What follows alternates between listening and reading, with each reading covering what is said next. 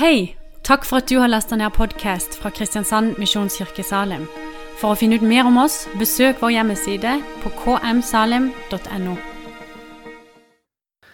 Ja, amen. Gud er Gud om alle land lå, lå øde og alle mann var døde. Nydelig proklamasjon. God morgen. Starte med en slurk vann, er ikke det lurt? Ah. Ja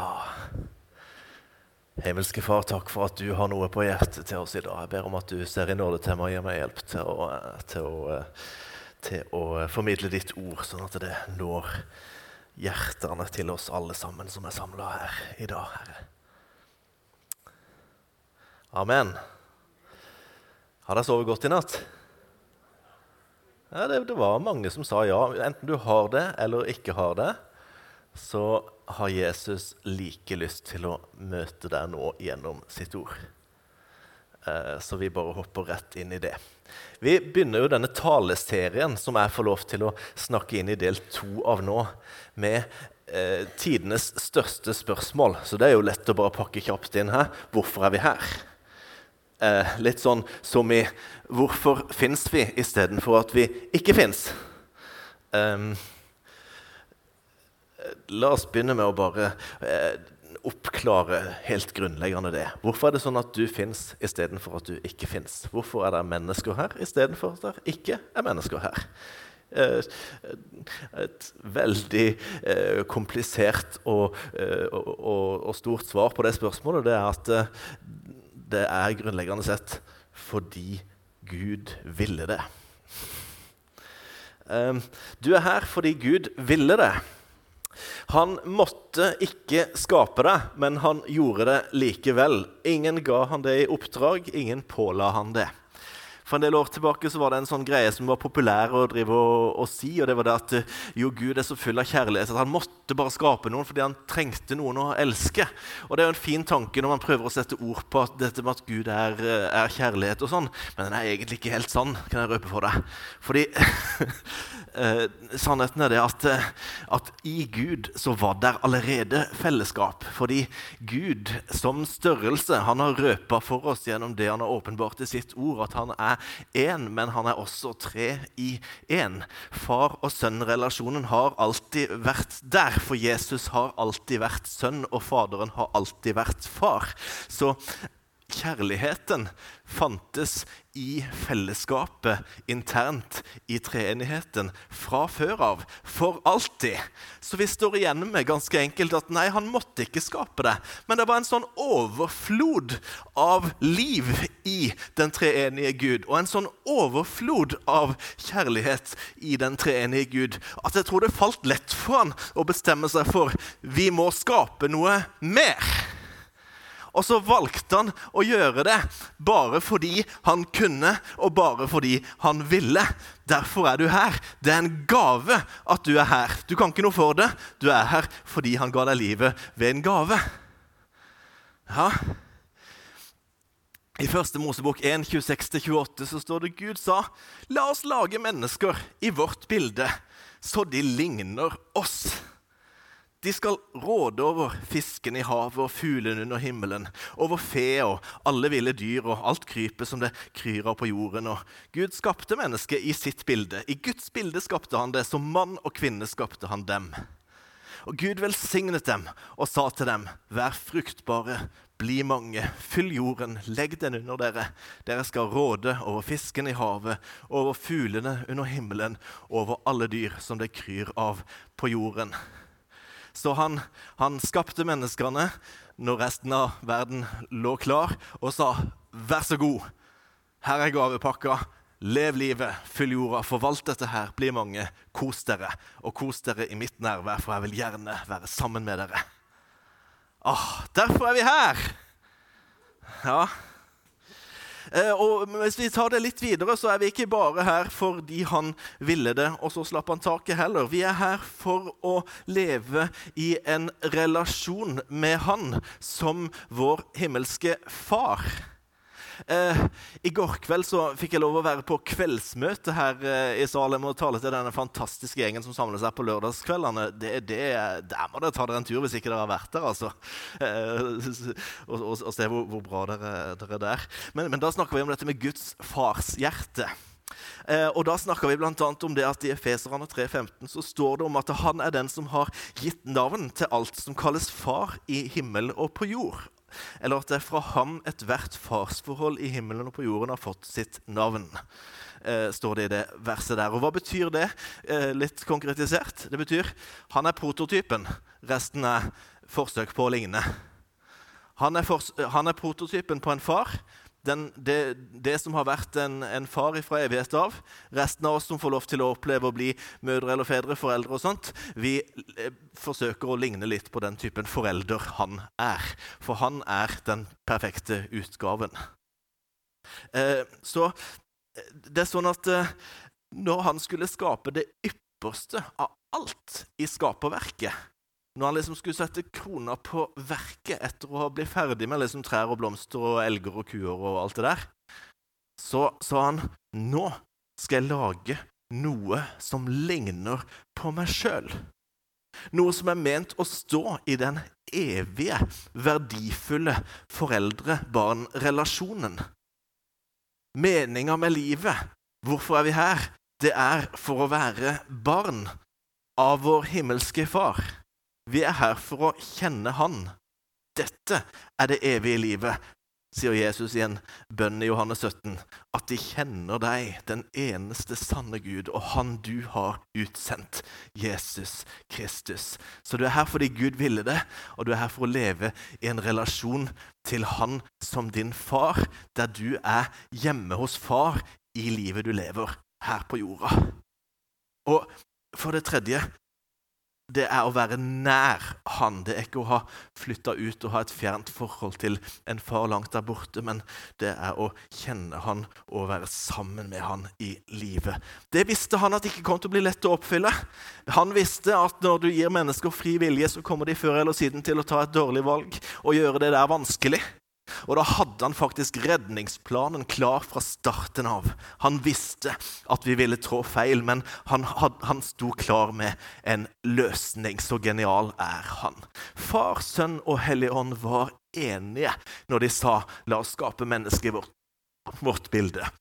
De må ha vært enige om å ta høyde for at det skulle bli nødvendig med en redningsaksjon seinere. Når menneskene hadde falt, så skulle den treenige Gud sjøl bane veien for at de skulle kunne komme tilbake.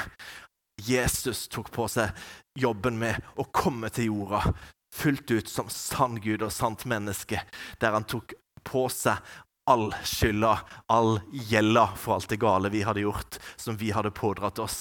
Og så snekra han det gjeldsbrevet til korset, og så betalte han for all vår skyld når han som uskyldig døde på et kors eh, og sa, 'Far, i dine hender overgir jeg min ånd'. Og så ble han reist opp fra de døde, og så lever han for alltid. Og så kan vi finne veien hjem til far gjennom det han har gjort. Efeserane 2,13 sier at nå, i Kristus Jesus, er dere som var langt borte, kommet nær på grunn av Kristi blod. Så hvorfor er vi her? Gud valgte det. Han vil at du skal leve i en relasjon med han som far, der du er barn av han hjem, på hjemmebane her på jorda. Og du kan få leve i nærhet til han fordi Jesus har bana veien for det. Ja, Vi må jo ha det fundamentet når vi skal snakke om hvorfor er vi her. Vi kan ikke drive og snakke om hva vi skal gjøre for oppgaver før vi får etablert det at eh, vi er kalt til å være barn hjemme hos far og leve et liv som er gitt oss som en gave av nåde. Det ønsker han å si til oss. Og så er det jo sånn at eh, Etter at Jesus hadde steget opp til himmelen, så, så introduserte Gud det her konseptet menighet. Woo! Yes! Fordi meninga er jo ikke bare å være aleine om det å leve for å kjenne Han. Han gjorde det sånn at vi ble ment til å også gjøre det i fellesskap med hverandre. For da eh, da, da blir vi stående i det i lengda. Hvordan kan, vi, hvordan kan vi gjøre det, da? Nå skal vi jo pense inn på det som egentlig du, du trodde var tema for denne talen. sant? Eh, hvorfor er vi som menighet her? Jo, eh, hvordan vi skal gjøre det eh, for vår del her i Salem, det har jo Salem formulert i en sånn oppdragssetning som har tre punkter, og som forteller hvorfor vi tenker at vi som menighet er her. Salem eksisterer for å ære Gud, for å gjøre livet bedre og for å gjøre disipler av Jesus. Det er en setning som rommer tre punkter, som hver, hver, hver for seg også rommer en haug med ting. Og forrige søndag så, så fikk vi høre Johannes tale om eh, dette med at vi er her for å ære Gud.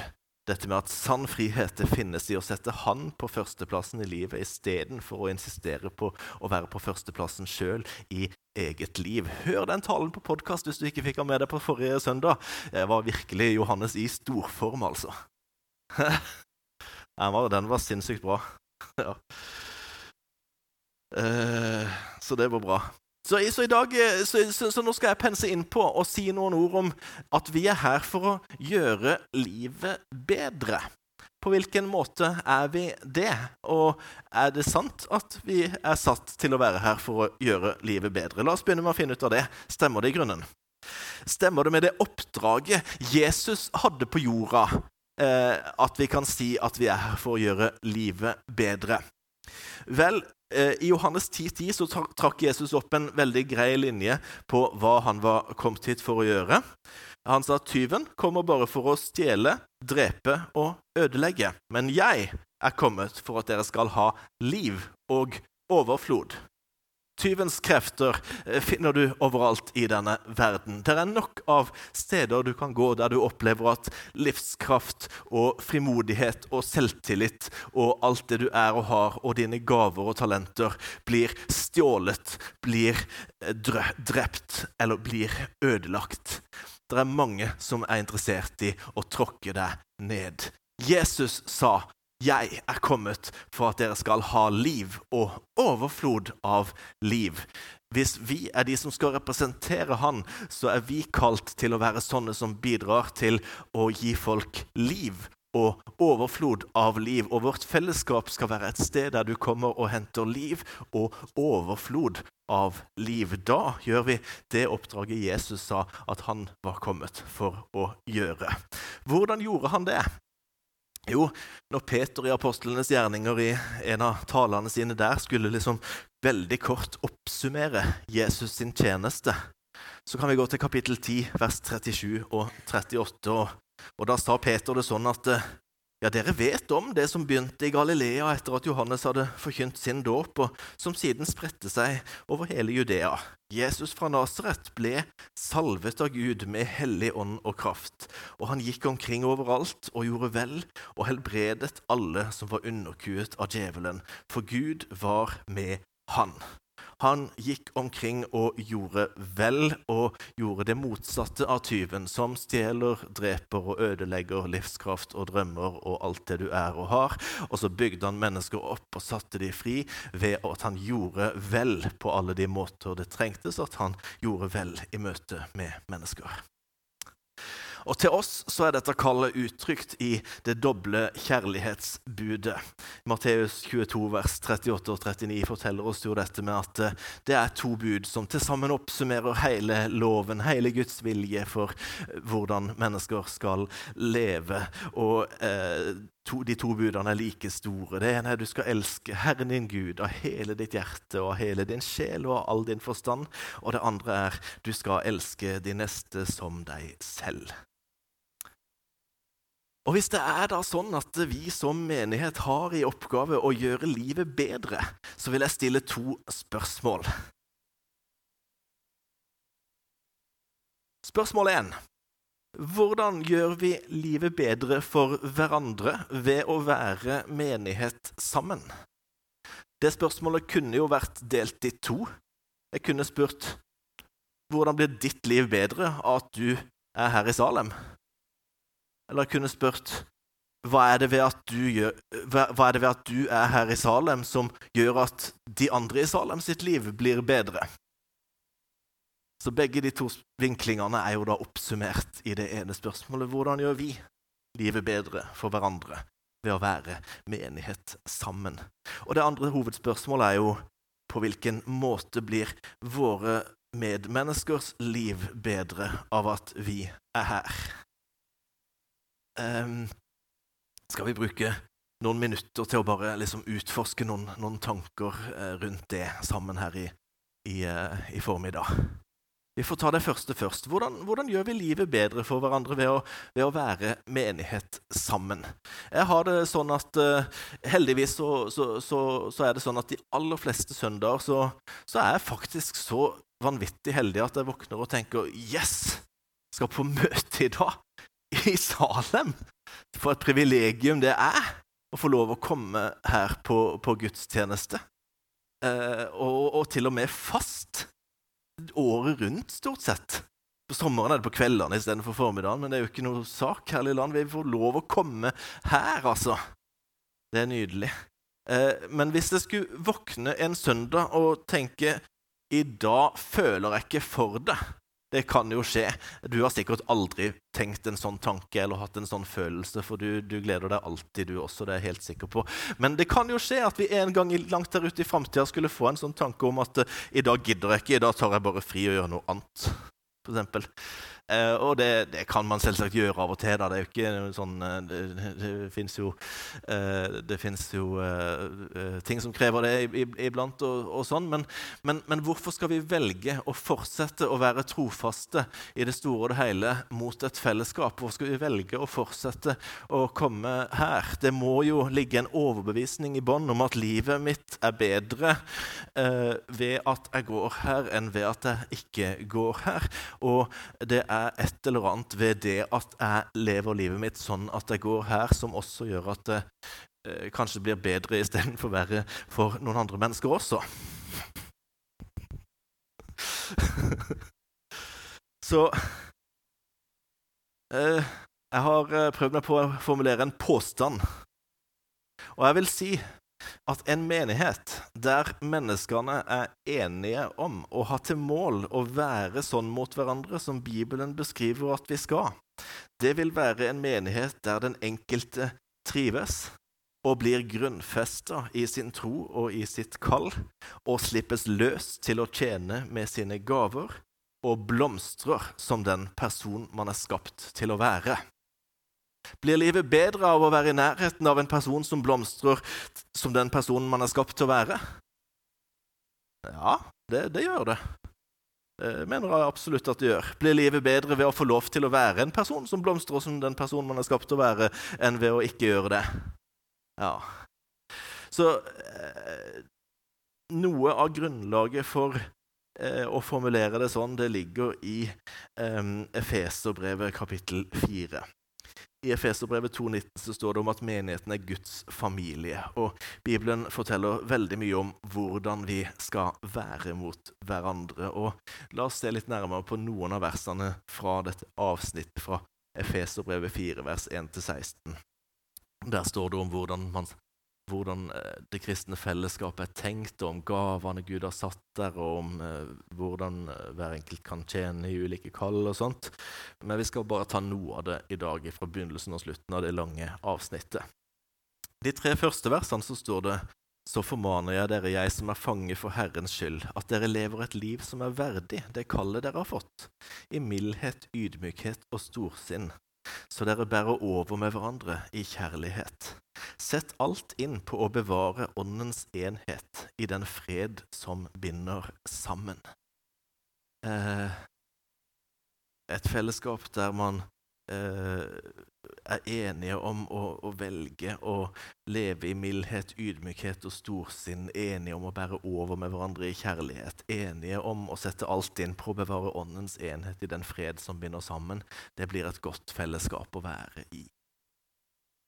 Og, og, og så står det om hvordan i et sånt fellesskap så blomstrer det opp ulike gaver og tjenester. Evangelister, profeter, lærere, apostler, hyrder og, eh, og ulike hjelpetjenester som, som, som, Gud har lagt i hjertet på hver enkelt. Så dyrkes det fram, og sammen så vokser vi opp til Han som er hodet, Kristus. Og, eh, og så oppsummeres det hele på slutten, i vers 15 og 16, med at eh, men vi skal være tro mot sannheten i kjærlighet, og i ett og alt vokse opp til Han som er hodet, Kristus. Ut fra Han blir hele kroppen sammenføyd og holdt sammen av hvert bånd og ledd, alt etter den oppgave hver enkelt har fått tilmålt, så kroppen vokser og bygges opp i kjærlighet. Sånn skal vi sammenføyes for at kroppen skal eh, vokse opp og bygges opp i kjærlighet. Vi får lov til å være en del av levende, en levende organisme som bygges opp eh, i kjærlighet. Eh, det utruster oss. Og Det er jo en enorm undervisning i Det nye testamentet om akkurat dette. Hvordan er vi kalt til å være mot hverandre? Eh, vi kunne sikkert snakka en uke om det. Vi skal elske hverandre. Vi skal tjene hverandre. Vi skal akseptere hverandre på tross av ulikheter. Vi skal styrke hverandre, ikke rive hverandre ned. Vi skal hjelpe hverandre, oppmuntre hverandre, bry oss om hverandre, tilgi hverandre sånn som han har tilgitt oss. Forplikte oss til hverandre, stille opp for hverandre. Bygge tillit til hverandre. Vi skal ikke dømme eller baktale hverandre, vi skal hilse på hverandre. Hils hverandre med et hellig kyss, sier jo Paulus. Så eh, det er sikkert greit med et håndtrykk òg, eller eh, et eh, hei og sånn, men, men, men det er fellesskap i å hilse på hverandre. Vi skal formane hverandre og møte hverandre og være ydmyke for hverandre i kjærlighet. Ja, og Bibelen sier vi skal få lov til å bære hverandres byrder. Når vi ledes inn i den type fellesskap, så sier jeg igjen at en menighet der menneskene er enige om å ha til mål å være sånn mot hverandre som Bibelen beskriver at vi skal, det vil være en menighet der den enkelte trives, blir grunnfesta i sin tro og i sitt kall, slippes løs til å tjene med sine gaver og blomstrer som den personen man er skapt til å være. Sånn gjør vi livet bedre for hverandre ved å være i Salem.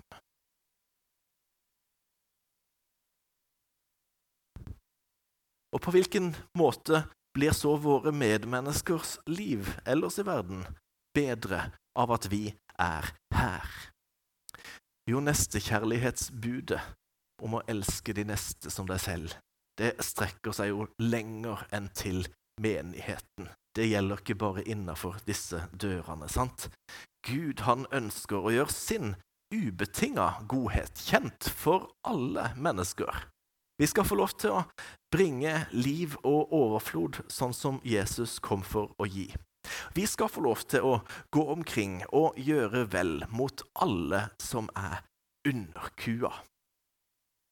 Ånden som bor i oss, ønsker å virke det her fram. For det hva, hva, hva, hva, er det denne talen skal munne ut i? Er det en appell om å skjerpe oss og gjøre mer for andre? Nei, det er en appell om å la Ånden få lov til å virke fram i oss. Det, det kallet han har til at vi skal få bety noe for andre, sånn at vi kan være det i hans kraft. Vi kan nemlig gjøre det gjennom å samarbeide med han. Vi slipper å produsere det sjøl, han produserer det i form av frukt i vår ånd, forklarer Bibelen oss. Galaterne 5.22 forteller oss at ånden som bor i oss, bærer frukter som viser seg i livet vårt. Og åndens frukt er kjærlighet, første ordet der. Og Det står også om frukt i Efeserbrevet, kapittel 5 og vers 9. Der står det om lysets frukt. Jesus er jo det sanne lyset, og Den hellige ånd er jo Jesu ånd. Så åndens frukt og lysets frukt. Vi snakker om to sider av samme sak. Lysets frukt er all godhet, rettferd og sannhet. Her er altså tre begreper som linkes til hva det er å leve ut kjærlighet. Det er å leve ut godhet. Godhet er jo en ganske enkel ting for å gjøre godt. Det, det, det, det, kan vi ganske lett identifisere muligheter til å gjøre. Rettferd er vi kalt til å stå opp for i, en urettferdig verden. Og sannhet er vi kalt til å stå opp for i en tid der løgnen dominerer og gjentas på samfunnsområde etter samfunnsområde. Lever vi ut et liv der vi griper anledningene til godhet, står opp for rettferd i de sakene Gud legger oss på hjertet å gjøre det i, og står opp for sannhet der hvor løgnen gjør at mennesker hører på tyven som kom for å stjele, myrde og ødelegge, istedenfor han som kom for å gi liv og overflod. Da gjør vi godt mot alle de som er under kua. Da lever vi ut kallet til å bringe liv og overflod av liv inn i denne verden. Rettferd, godhet og sannhet. Et uttrykk som linkes til å leve ut kjærligheten som frukt fra våre liv. Og så tror vi jo det at mennesker kan bli forvandla hvis vi våger å dele av den kjærligheten som Gud har gitt oss. For det Romerbrevet 2,4 sier at vet du ikke at Guds godhet driver det til omvendelse? Ja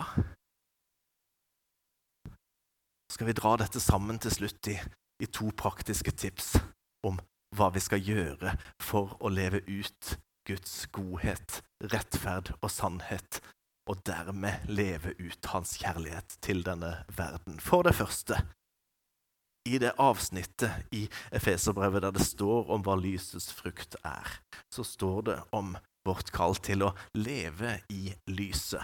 Så tips nummer én hvordan få tak i mulighetene til å bringe godhet, rettferd og sannhet i kjærlighet ut til denne verden, det er dette daglige valget om å leve i omvendelse, leve i lyset, istedenfor å gjemme sider av livet under et teppe. En gang var dere selv mørke, men nå i Herren er dere lys. Lev da som lysets barn. Lysets frukt er all godhet, rettferd og sannhet. Prøv hva som er til behag, eh, prøv hva som er til glede for Herren. Ta ikke del i mørkets gjerninger, for de bærer ingen frukt. Avslør dem heller. Pass derfor nøye på hvordan dere lever ikke som ukloke mennesker, men som kloke, så dere bruker den dyrebare tiden godt, for dagene er onde. Og vær ikke uforstandige, men forstå hva som er Herrens vilje. Så tips nummer én det daglige valget om å leve i omvendelse, leve i lyset. Eh, ikke ta del i mørkets gjerninger, prøv hva som er til glede for Herren. Det andre valget som vi daglig kan ta, som er det andre tipset, det er det daglige valget om å si i dag ønsker jeg å være åpen for å gjenkjenne anledninger du gir meg, Gud, til å leve ut din kjærlighet overfor menneskene rundt meg. Vet du, Vi mister ofte anledningene til å gi videre av Guds godhet. Og jeg tror det har sammenheng med at vi så ofte eh, glipper med det daglige valget om å ta på alvor eh, at eh, han har kalt oss til gjerninger som han forut har lagt ferdig for oss, for at vi skal få lov til å vandre i de. Sånn at når gjerningene ligger der, så hender det at vi ikke ser de, fordi vi ikke har vært oppmerksomme eh, på det eller åpne for å ta det rette valget. Eh, så han, han, kan få oss til å ta rette valget eh, selv i sånne situasjoner, men min egen erfaring er at i de periodene der jeg oftest sier til han har du noe for meg da, så, så hjelp meg til å skjønne det. Da er det lettere å få øye på det, lettere å se det. Så vi trenger å leve med en åpenhet og en forventning til at han vil bruke det. Vi kan få lov til å tro på ferdiglagte gjerninger. Da øker sannsynligheten, tror jeg, for at vi gjenkjenner mulighetene når de er der. Så sånn kan vi få lov til å gjøre livet bedre for menneskene rundt oss.